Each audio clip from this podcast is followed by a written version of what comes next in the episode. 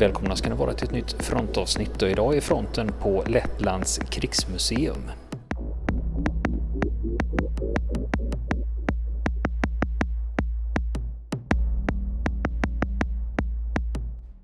Och nu fortsätter vi besöket på Lettlands krigsmuseum. Och nu har vi ju då eh, Operation Barbarossa. Det är den snabba tyska attacken och eh, den sovjetiska militären hinner inte med mobiliseringen av Röda armén i Lettland. För i november 1940 då hade eh, man, eh, då hade Sovjet bestämt sig för att lägga ner delar av det, de lettiska bataljonerna. Arbetarnas vaktbataljoner. 22 juni då började kriget mellan Tyskland och Sovjetunionen och det sträckte sig snabbt över Lettland. Röda arméns nordvästra front lyckades inte hålla tillbaka tyskarna. Eh, och från juni 23 till 29 då är det slag nära Liepe och från, juni till 28, från 26 till 28 juni nära Daugavpils. Och det är den 1 juli 41 då är det tyska trupper som intar Riga. Och 8 juli då har man eh, lyckats ta hela Lettland. Och eh, när Röda armén drar sig tillbaka då är det flera tiotusentals lettiska medborgare som följer efter. Som inte ville vara under tysk ockupation. Här har vi också en, granatkastare och en tung kulspruta. Döska ser det ut som. De är populära än idag. Sommaren 1941 eh, då hade sovjetisk ockupationen ersatts med en tysk ockupation med generalplanen Ost. Och sen eh, i samband med att tyskarna tog över då påbörjades också eh, utrotningen av judar och andra oliktänkande. Eh, bland annat fanns det Salaspils koncentrationsläger. Och från början, i början av 1943 så var det tillfälligt interneringsläger. Och Salaspils här då, koncentrationslägret var arbetsläger för det mesta men det skickades också Eh, personer till, något, eh, till andra koncentrationsläger både i Polen och i Tyskland. Det fanns också ett getto i Riga kan jag se här på lite informationstavlor. Så har man också satt upp eh, gula davidsstjärnor. Det står jude på. Det är alltså autentiska som judiska letter var tvungna att bära då under den tyska ockupationen. Så är det bilder då på barn ifrån Rigas getto. 2 november och 8 december 1941 i Rumbula nära Riga. Och de här datumen jag precis nämnde det var då som flest judar mördades i Lettland. Under den tyska ockupationen så mördades 65 000 lettiska judar och mer än 20 000 judar från andra europeiska länder. Den som var ansvarig för judeutrotningen i Lettland det var, det var Gestapo och SD som leddes av generalmajor Stalikers. Och sen har vi också bilder från själva eh, mördandet av judar i december, 15 december 1941 då, och det är bilder på personer som får klä av sig nakna och sen blir ihjälskjutna. Man har plastat in engelska texter och så sitter det fastkedjat här så att man kan gå med. Man kan, det blir som ett litet block så kan man gå runt och läsa den, eh, de, vad det står, vad som finns i de olika montrarna. Här har vi ju då bland annat eh, saker som är tillverkade i eh, koncentrationslägret. Och sen har vi också kläder här. Med, och de här olika tecknen då som eh, koncentrationslägerfångarna fick sy på sin uniform. Här hänger det en sån fångjacka med en rosa triangel på. Och sen är det en eh, svart klänning här. Det, det står med två bokstäver på som är målade på med vit Eh, färg. Det står KL. Det kommer från eh, Rövens bryck tydligen. Rövens bryck var ju ett kvinnoläger. Och sen handlar det också här om eh, SS-frivilliga letter som ansluter sig till SS då.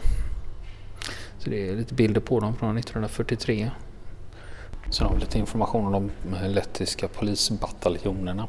Här beskriver man också problematiken för man hade ju eh, lettiska soldater på bägge sidor. Vi hade ju letter i Röda armén och vi hade också eh, lettiska soldater på den tyska sidan. Så ibland så var det ju så att släktingar stred mot släktingar och sånt. Det är ju en liknande sak som har skildrats i den estniska filmen 1944. Så det var ju lite samma sak här, när vi hade letter på bägge sidor mot varandra. Det var ju tysk ockupation men eh, sommaren 1944 då kommer eh, Röda arméns eh, trupper fram till Lettland. Och 18 juli då kliver de över gränsen och tar staden Skaune. Och sen inte förrän i oktober, den 13 oktober, då tar Röda armén över Riga. Och i Vidzeme och Latgale, den tyska ockupationen ersätts av en andra sovjetisk ockupation. Och till slut, fram till slutet av kriget så var det 57 000 med, lettiska medborgare som mobiliserades olagligt in i Röda armén. Men under ockupationen så fanns det kvar sovjetiska partisaner i Lettland som stred mot eh, tyska förband. Och i slutet av 42 då bildas den första lettiska partisanbrigaden.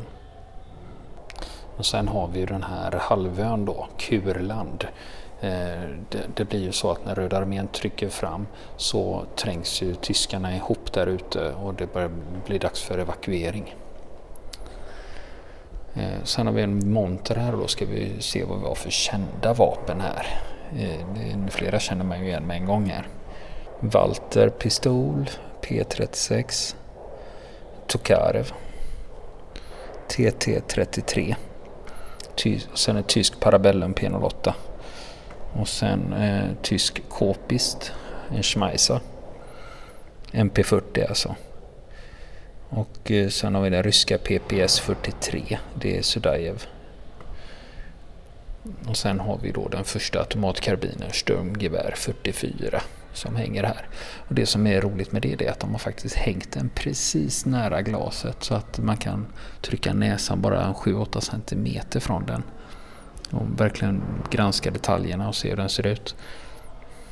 Och Det är också intressant om man tittar på andra automatkarbiner och ser liksom, ja, vad är det som har följt med, vad är det som inte har följt med. Ja, det är intressant att se. Jag har aldrig stått så här nära ett sturmgevär förut. Sen har vi en Dektjarev kulspruta också. Och eh, också en Panzerfaust. Där har man både Panzerfaust-röret och sen ligger själva stridsspetsen vid sidan av. Då. Och så en tysk MG42. Det är ju klart, ska du ha ett andra världskrigsmuseum så är det ju de här sakerna man förväntar sig, vad som användes på östfronten.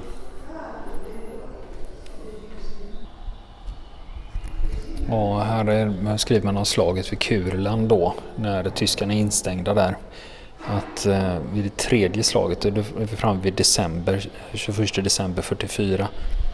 Vid det tredje slaget eh, då är det eh, Röda arméns 130 eh, lettiska skyttekår och tyska sjunde SS frivilliga armékåren från Lettland som slåss mot varandra.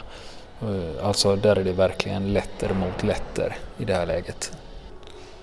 Och sen då så småningom eh, 1945 då är det ju kapitulation på Kurland. När de förstår att det inte är någon mening längre och det inte kommer att bli någon evakuering.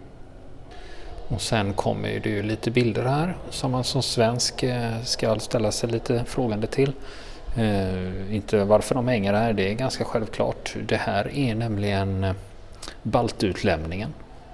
Eh, när, man, eh, när baltiska soldater som hade stridit på tyskarnas sida lämnades ut till Sovjet efter kriget. Här har vi en bild eh, från, eh, tagen i Trelleborg 25 januari 1946 och då är det när svenska poliser bär ombord en balt på ett fartyg de vill ju av naturliga skäl inte åka tillbaka. Sen har vi en bild från en demonstration i Stockholm. Den är tagen 20 oktober 1945. Och eh, vi vädjar till konungen för rättvisa. Protesterar mot utlämnandet av balter. Mm. Ja, det var ingen trevlig historia. Nu finns det ju fler avdelningar så jag har tyvärr inte hunnit besöka allting här. Men eh, ska man göra en slutsummering av det så kan man ju säga att eh, Lettland under första världskriget, det är ju så att säga en prisbelönt utställning som är bra och eh, även något som är intressant eftersom de flesta av oss är intresserade av andra världskriget då är det också intressant att titta på deras andra världskrigsutställning. Men det kräver ju lite förkunskaper kan jag känna ibland att vad var det som hände och i vilken ordning skedde det och sådana saker hade ju känts skönt att kunna förbereda sig lite bättre på. Men samtidigt blir man också nyfiken på det här att eh, det är ju så här att man ska inte komma fullärd till ett museum utan ett museum fungerar ju ofta så att man kommer dit så får man lära sig eh, någonting som man inte kände till och så blir man nyfiken och vill lära sig mera om det och ta reda på hur det gick till och varför det hände. Så det fyller ju den funktionen också. Vill ni komma i kontakt med oss så kan ni göra det via vår Facebook-sida som heter Fronten. Det är inga problem för er att leta er fram där. Eller också så mejlar ni på vår mejladress och det är frontenpodcast.gmail.com.